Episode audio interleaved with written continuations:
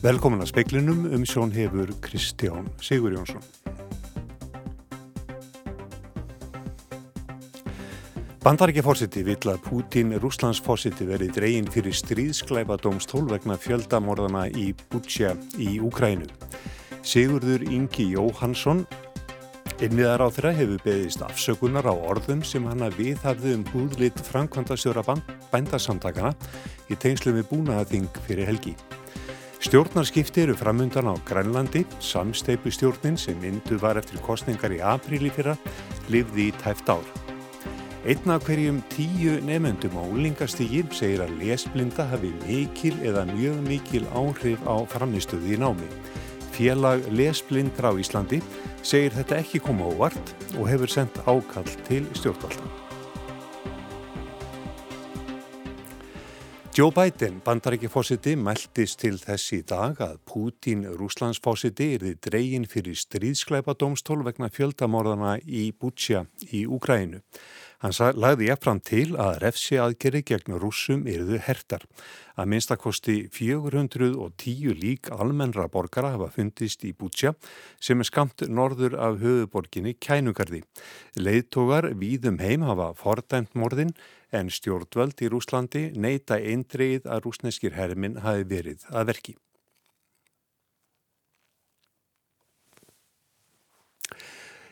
Arnar Björnsson, fréttamaður, er nú stattur í Pólandi til að fylgjast með flótamannaströymi frá Úkrænu. Arnar, hvað er þetta nákvæmlega stattur? Ég er stattur uh, nálat í albröðtarlestastöðinni hérna og það er kallt í Varsjá, voruður ekki komið en eh, það er hins vegar rosalega margt um mannin hér í, í borginni. Og hvað hafið þið séð og hýrt þarna í dag? Og við komum til Bergvist, myndatökumadur, vorum, uh, vorum hérna á bröðastöðinu að ræða við fólk og það kom mér mjög óvart að, að uh, trafíkin er ekki eins mikil eins og hún hefur verið.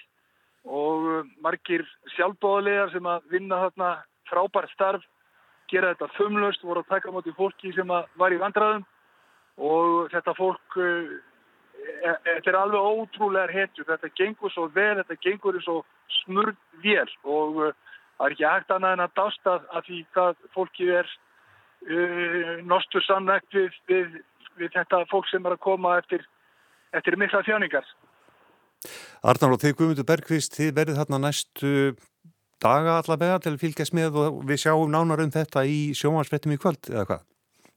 það, það er spennur við verðum með, með frétt frá Úkrænum hér í kvöld. Takk fyrir þetta Arnar Björnsson og síðar í speklinum fjöllum við nánarum ástandið í Úkrænu. Þingmaður Pírat, Pírata segir ummæli sem Sigurður Ingi Jóhansson innviðar á þeirra við hafði í garð framkvæmdastjóra bændasamtakana í gleðskap aðfaranótt förstu dags, rasísk og niðrandi. Forsætis á þeirra segir mikilvægt að taka því þegar fólk byrst afsökunar eins og Sigurður Ingi gerði í dag. Búnaðarþing bændasamtaka Íslands var sett síðastliðin 50 dag. Ein hefð á búnaðarþingi er svo að stjórnmálaflokkarnir bjóða þáttakendum í svo kallað flokksbóð. Framsóknarflokkurinn helt eitt slíkt á 50 dagskvöldið. Fljótlega eftir bóðið fór á stað orðrumur þess efnis að Sigurður Ingi hafi viðhaft rasísk ummæli í gard Vigdísar Hassler framkvæmdastjóra bændasamtakana í umrættu bóði. Vigdís tjáði sig um málið á Facebook í háttegin í dag þar sem hún segir að Sigurður Ingi hafi notað mjög særandi orði í sinn garð. Duldir fordómar grassi á öllum stegum samfélagsins. Í stuttri yfirlýsingu frá Sigurði Inga baðst hann innilera afsökunar á orðbræði í Garðvíkdísar. Hann segist hafa tamið sér að koma jaft fram við alla en verði á eins og öðrum. Haldóra Móensen, þingmaður Pírata og Sigmar Guðmundsson, þingmaður viðresnar, spurðu Katrínu Jakobsdóttir fórsetisráðara um málið í óundirbúnum fyrirspurnum á alþinginu síðdeis. Ummælinn sem umræðir voru rasísk, þau voru niðrandi og þau voru særandi. Hversu alvara er hægsturtum fórstætsráður um að uppræta mismunin þegar í hardbakkan slær? Það liggur algjörlega fyrir að þau ummæli sem vitnað er til voru ósettanleg og ég reyngi ekki orð framkvæmtastjóra bændasamtakana í þeim efnum en við verðum líka að geta tekið því þegar fólk byrst afsökunar eins og hæstvirtur innvegar á þeirra hefur gert með mjög skýrum hætti.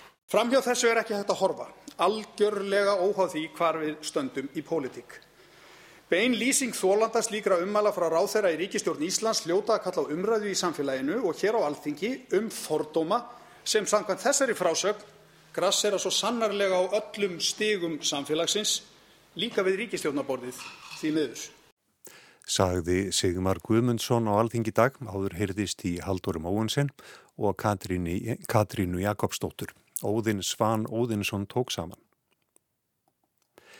Stjórnarskipti eru framundan á Grænlandi, samsteipi stjórnin sem myndu var eftir kostningar í april í fyrra, liði í tæft ár. Eftir þingkostningar 7. apríli fyrra myndaði vinstri flokkurinn Inuit Atakatikit sigurvegari kostningana stjórn með miðjuflokknum Nalerak. Grænleinskir fjölmiðlar höfðu í dag eftir Hans Enoksen, formannin Nalerak, að sínum flokki hefði verið fleikt út úr stjórninni. Í staðin kemur jafnaðarmannaflokkurinn Síumút. Leðtóarflokkana, þeir múti egiði og Erik Jensen sátu á raukstólum um nýliðna helgi og náðu að lokum samkómulagi um stjórnarsáttmála sem þeir undirrituði núk í dag að viðstöldum fjölmiðlum. Flokkarnir skuldbinda sig meðal annars til að bæta hag eldri borgar á Grænlandi. Rannsaka á afleðingar Parísar samkómulagsins í loftslagsmálum á þjóðulífið, gera grænlenskri tungu hærra endur höfði í stjórnkerfinu en hinga til og semja lagafrumvarp um ferðarþjónustu svo að nokkuð sé nefnt. Mesta aðtikli vekur þó að flokkarnir hafa náð sáttum um sitt helsta ágreiningsefni vinslu úrans úr jörðu. Samkvæmt stjórnarsáttmálanum verður ekkert ákveðið þeim efnum nema meiri hluti landsmanna samþykki í þjóðratkvaða greiðslu að hefja hana. Hinn nýja samsteppustjórn hefur örugan meiri hluta á þingi 22 sæti af 31. Ásker Tómasson saði frá. Guðmundur Jónsson, formaður félags lesblindra á Íslandi, segir það ekki koma sér óvart að 10% nefnda úlingast í grunnskóla segir lesblindu hafa mikil eða mjög mikil áhrif á framistuði í námi eins og nýðustuður nýrar könnunar benda til. Það hefur hins vegar alveg nöðslegt fyrir okkur vegna þess að það er ákveðin svona vandrú í samfélaginu á, á þetta vandamál að fá þetta í raun og veru staðfest og það hefur við gert núna með þessari rannsókn hjá félagsvínsstofnun. Í rannsókninni kom fram að því meiri sem lestra örðuleikar hamla fram í stöðunámi því meiri eru kvíðatengt enginni. Myndi segi félagi vera með ákall til stjórnvalda? Þetta er í raun og veru alveg opbóstli sóun að málnafli að setja fólki gennum skóla og millja það nýður og senda það út í þjóðfélagi broti fólk það er í raun og veru það sem þetta, þessi rannsókn er að segja okkur. Guðmundur segir ímislegt til ráða til að takast á þetta vandamál og að allskins hjálpartæki séu til. Mikilvægt segja að fá kennslu án teksta og best ef tækin verði nótuð þannig að þau nýtist öllum. Það sé eina leiðin til að tryggja hjálpum verði í bóði. Urður Örlegstóttir tók saman, rætt var við Guðmund Jónsson. Meiri hluti nefnda í efstu bekkjum grunnskóla og í framhaldsskóla hefur hort á klám. Alltaf þrefalt fleiri strákar en stelpur á þessum aldri hafa hort á klám og þeir eru ánæðri með áhorfið en stelpurnar. Þetta kemur fram í nýri skíslu fjölmila nefndar og mentavísundastofnunar Háskóla Íslands þar sem byrtur er hlut af niðurstöfum konunarinnar börn og netmilar. Nefnendur í únlingadeldum grunnskóla og framhaldsskólum voru þar spurður um klám áhorf. Talsveru kynjamunu kom það fram og þá jógst áhorfið eftir því sem úlingarnir voru eldri. Til dæmi sögust 28% krakka í 8. bekk hafa hort á klámefni en 70% framhalskólanemenda. Áhorfið var hlutvarslega meira hjá strákum í öllum aldursópum, 17% stelpna í 8. bekk sögust hafa hort á klám en hlutvalli var þrefalt hærra hjá Karlkins jafnöldun þeirra eða 41%. Þegar spurt var hvers vegna horfir þú að klám, sögst flestir hafa leitað því að það sé það hjá vinnu sínum. Þá var spurt hvernig börnin og unglingarnir upplifðu klámið. Nokkur munu var að upplifun kynjana og piltum líka að það betur en stúlkum. Google var algengasti staðurinn til að sjá klámauðlisingar og þar og eftir komu samfélagsmeilar á borði Instagram og Facebook. Anna Lilja Þóristóttir saði frá. Rúsar hafi verið sagaður um stríðsklæpi í Ukrænu. Skelvilegar fregnir bárust um helgina frá bænum Bútsja, skamt frá kænugarði þar sem almennir borgarar voru teknir af lífi úti á götu úti. Rúsar eru sagðir hafa fram með stríðskleipi, fjöldamorð og jafnvel þjóðarmorð. Kallað hefur verið eftir hertum aðgerðum gegn rúsum vegna voðaverkana til að mynda innan Európusambandsins. En hvað eru stríðskleipir? Er ekki glæpur að ráðast inn á landsvæði, myrða þar allt sem á vegi verður, hvort sem þeir eru í búningi eða ekki? Hvar likur þröskuldurinn á milli stríðsreksturs og stríðskleipa? Við rættum þessi atriði við Þórtísi Ingadóttur, profesor við lögfræðideild Háskólans í Reykjavík. Svona eftir því sem líður á núna á stríðið og frétti berast og svo sannlega um helgina þá er augljóst að það þarf að rannsaka þarna hvort að stríðsglæpir hafa átt sér stað eða jáfnvel glæpi gegn mannkinni og þessar myndir vistulega gefa tilmyndi þess og, og allir helstu svona saksóknarar bæði alþjóða dómstólsins og fleiri landsríkja hafa gefið þetta kynna þeir ætla svo sannarlega að rannsaka þetta sem stríðskleipi sem hafa átt í stað, ekki bara um síðustu vikur, kannski lengra tilbaka. Mm -hmm. Svo það er að fara stað.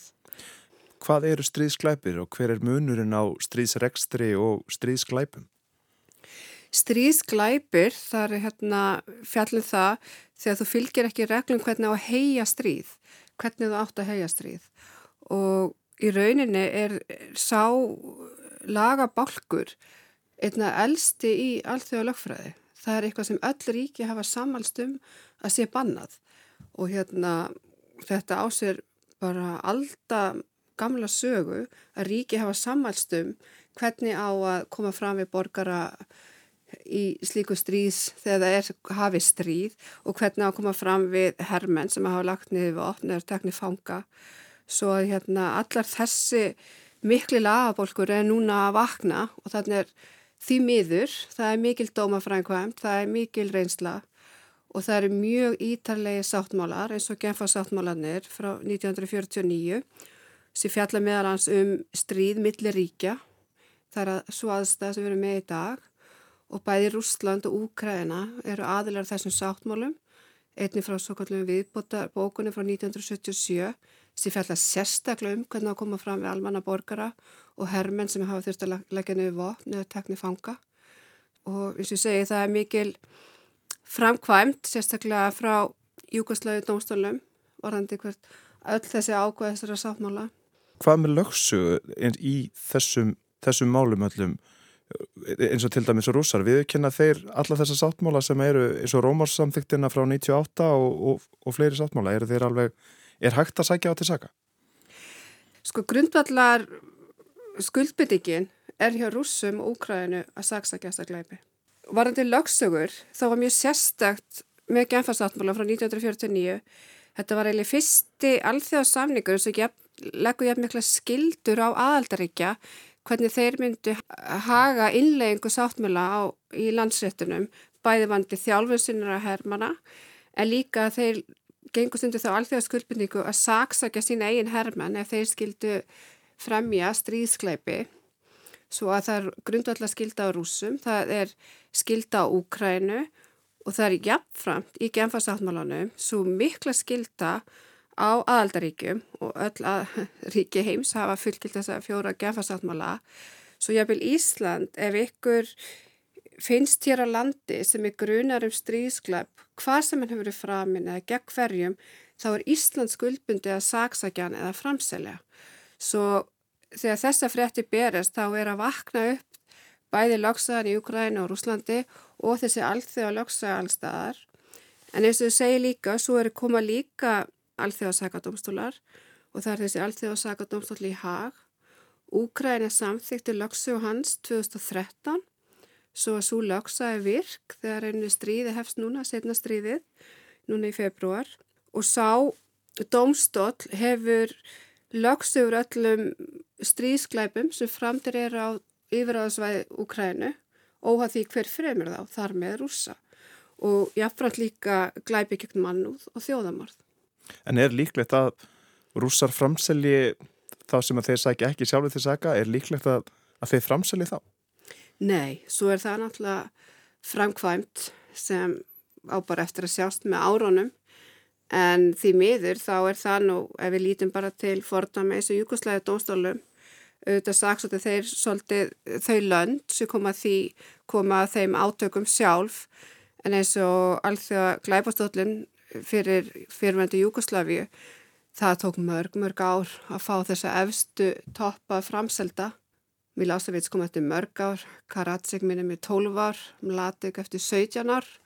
Svo þetta gangverk réttvísinar er, getur verið mjög hægveikt á alþjóða vettungi. Mm -hmm. Getur ekki eitthvað ára að gera upp þessi mál? Það getur verið það, en það er mikill einhugur hjá ríkum að saksækja og það er kannski ólíkt kannski þessu átökum og mörgum fyrri átökum er hvað Úkræna er að reyða sig á þetta, þessa sáttmála, þeir eru að reyða sig á saksóknir hjá öðrum ríkjum, þeir eru að reyða sig á lögsugu alþjóða sakadómstólsins með að hafa samtitt lögsugu hans. Og það er svolítið ólíkt kannski fyrri átökum oft það sem eins og Júkoslöfa er og alltaf þar sem yfirvöldu borgar og aðri voru á móti þessum domstölumarkir og hefði svona evasemdir og annað. En þarna er mikill vilji hjá Úkrænu að fá þetta réttakerfi af stað og þeir hafa verið reyndar að nota það núna í þón okkur ár. Og svo er það bara þessi tvö ríki eins og Rúsland og Úkræna. Varandi þessi grundvalla sáttmála, gömli sáttmála, þetta hafa verið líka grundvalla ríki í gerð þessara laga. Bara það eitt skott dæmi, bara hugtæki glæpi gegn mannúð. Það er löffræðingur frá háskólum í líf í Úkrænu sem bjóð til það hugtak og kom því inn í Núreberg réttarhöldin, Hers Láteberg og sama með hugtaki þjóðamorð. Það er Rafael Lemkin líka mentar í sama háskóla í Úkræna á sínu tíma sem bjóð til það hugtak og barðist mikið fyrir það að fá það inn í Núreberg réttarhöldin. Tókst það ekki alveg en, en það sýnir bara þessa laga hefð í þessum ríkum. Í málarekstri sem þessum, hverjir eru það sem eru sótið til saka? Er það þeir sem að standa á vývillunum eða þeir sem að skipa mönnum að fara á hugvallin? Það, það er bara bæði. Sankvæmt sáttmálunum þá hérna, það er alltaf þessi fremja glæpina og í rauninu af öllum þessum, sko, öllum þessu glæpin þá eru stíðsklæpir kannski auðveldast að saksækja. Það er einhver herma þessu fremur morð eða nögun eða stelur eigni með annað, þá er auðvelt að saksækja þannig einstakka glæp. Það sem er erfiðara en það sem er, hefur lagt ofið kapp á er að saksækja yfirmennina. Annarkvort voru þeir þá að hvetja til þessara glæpa eða liti undan og komi ekki í veg fyrir það.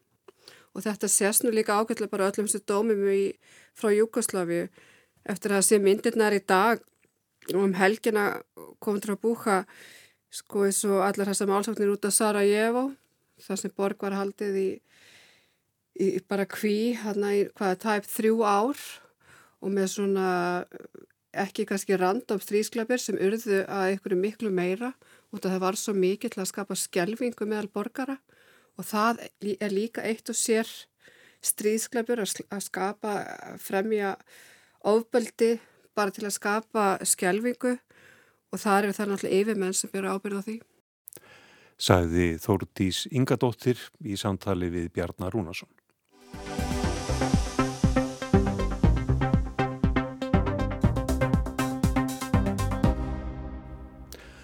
Óhugnanlega myndir af ætluðum voðaverkum rúsneska hersins í bænum Búka í Úgrænu vöktu mikinn óhugum heimsbyð alla í gær.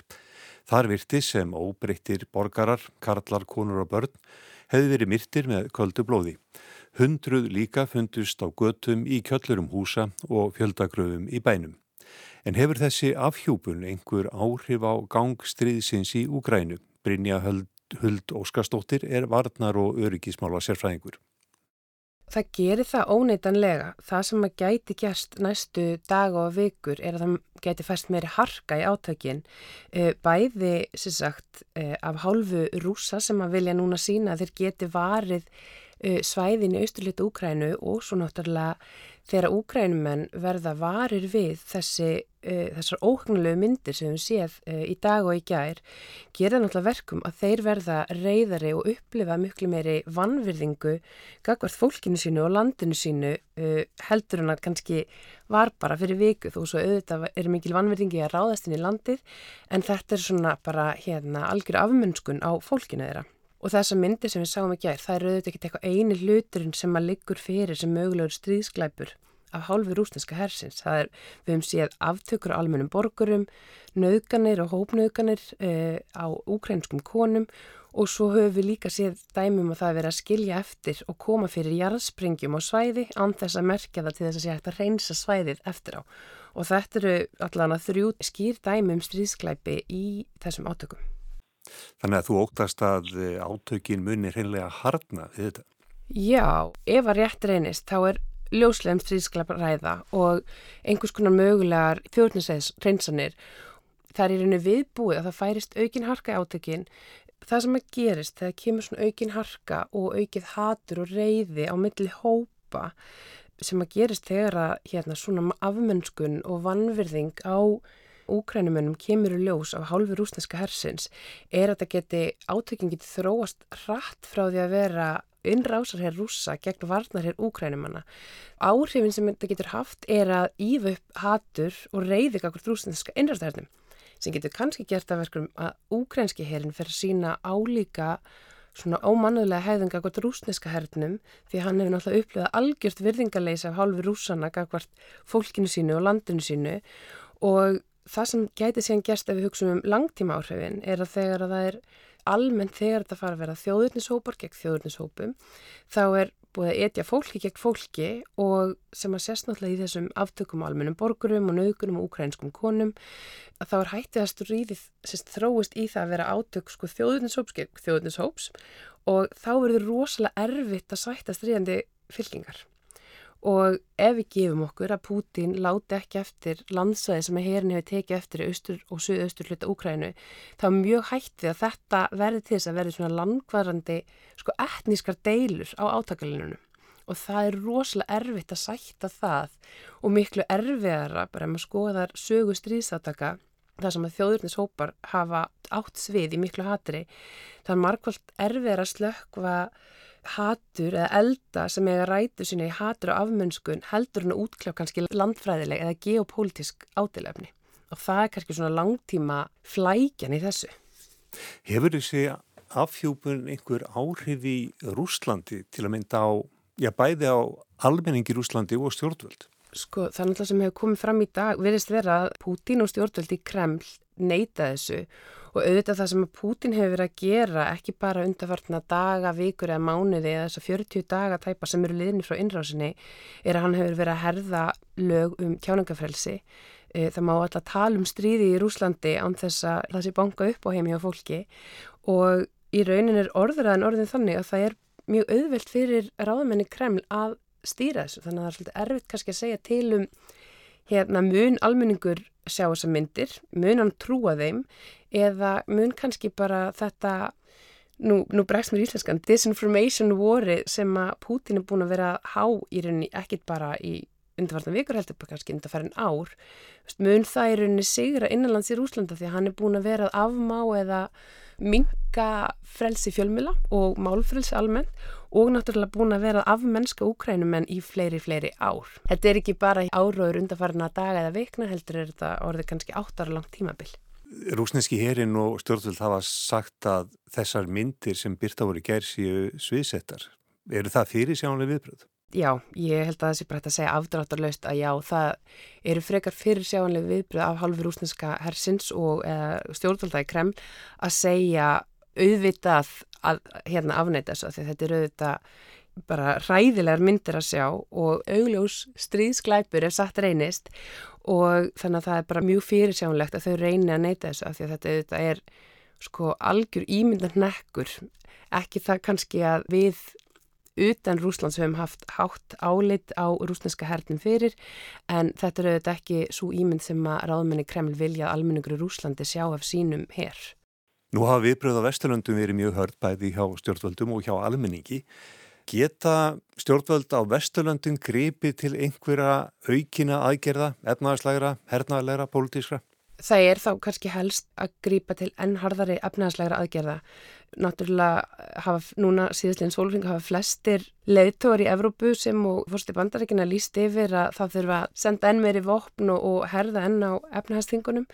Flækjan er samt sem áður þegar kemur að efnahastingunum að nú þegar er búið að beita hörðustu efnahastingunum sem sögur fara af og þá er bara næsta lína orkumálin í Evrópu, gas og ólja og flækjan er því miður svo að Evrópa hefur eitthvað neginn kannski litið svolítið blindu auga á orkuörgi undanfarin ár eða ára tugi og það hefur alveg sínt sér svolítið í þessari krísu að sko orkumálina orkuörgi hefur verið bara svona strategískur dragbítur í ákvarðanatöku. Við sáum það dagana rétt fyrir og rétt vistu dagana eftir innrásuna að til dæmis ítalskir og þýskir ráðamenn voru bara frekar rættir við að hóta einhverju teng tengslum við Nord Stream 2 gaðsleisluna því þau gerir sér þetta grein fyrir því að löndið þeirra fungera mjög ítla án rúsnesk gas og þetta veit náttúrulega Pútín og ráðmenni Kreml freka vel og geta í rauninni kannski dansa svolítið í kringu það, vita að Evróp er háð rúsnesku gasi og vita að það þarf að mjög mikið að ganga á til þess að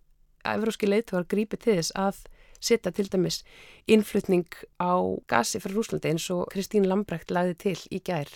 En hernaðarlegar aðgerir koma þetta greina? Sko það hefur nú verið frekar skýrt eh, frá stærstu löndum Evrópu, svona þessum hérna sem gerðan eru kallið E3 sem er þá Breitland, eh, Frakland og Þýskaland að þau ætla ekki neyn bein hernaðarlega átök við Rúsland vegna Úkrænu en auðvitað veldi maður fyrir sig hversu lengi geta leiðtöður þessara ríkja leift stríðskleipum að viðgangast án þess að grýpa inn í.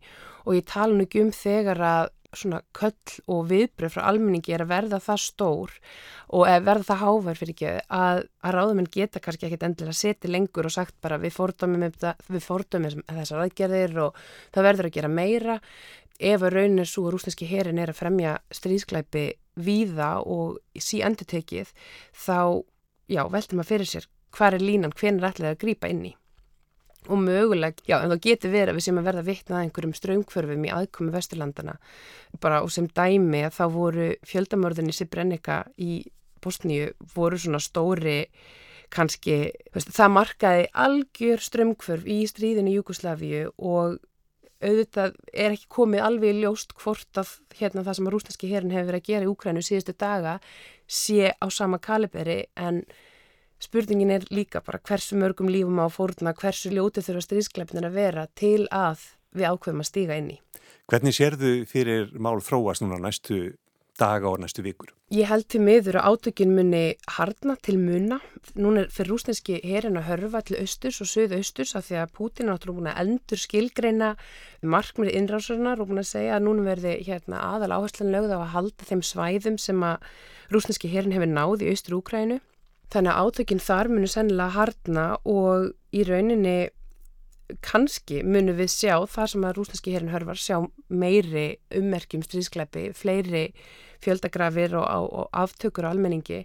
Það verður eiginlega komið í ljós kannski og mun væntilega skýrast bara mjög hratt næstu dag hver viðbrögð uh, leiðtói Evrópu verða og hvað gerist ef að gas og orkumál verða sett á borðið í rauninni sem partur af refsaðgerðina. Það er svolítið það sem að, ég held að Putin kannski treystir á að við munum ekki gera og svo hins vegar þegar að gas og orkuverð fara að hækka mjög hratt, þá er spurning hvað árið það fyrir að hafa almenning í Evrópu.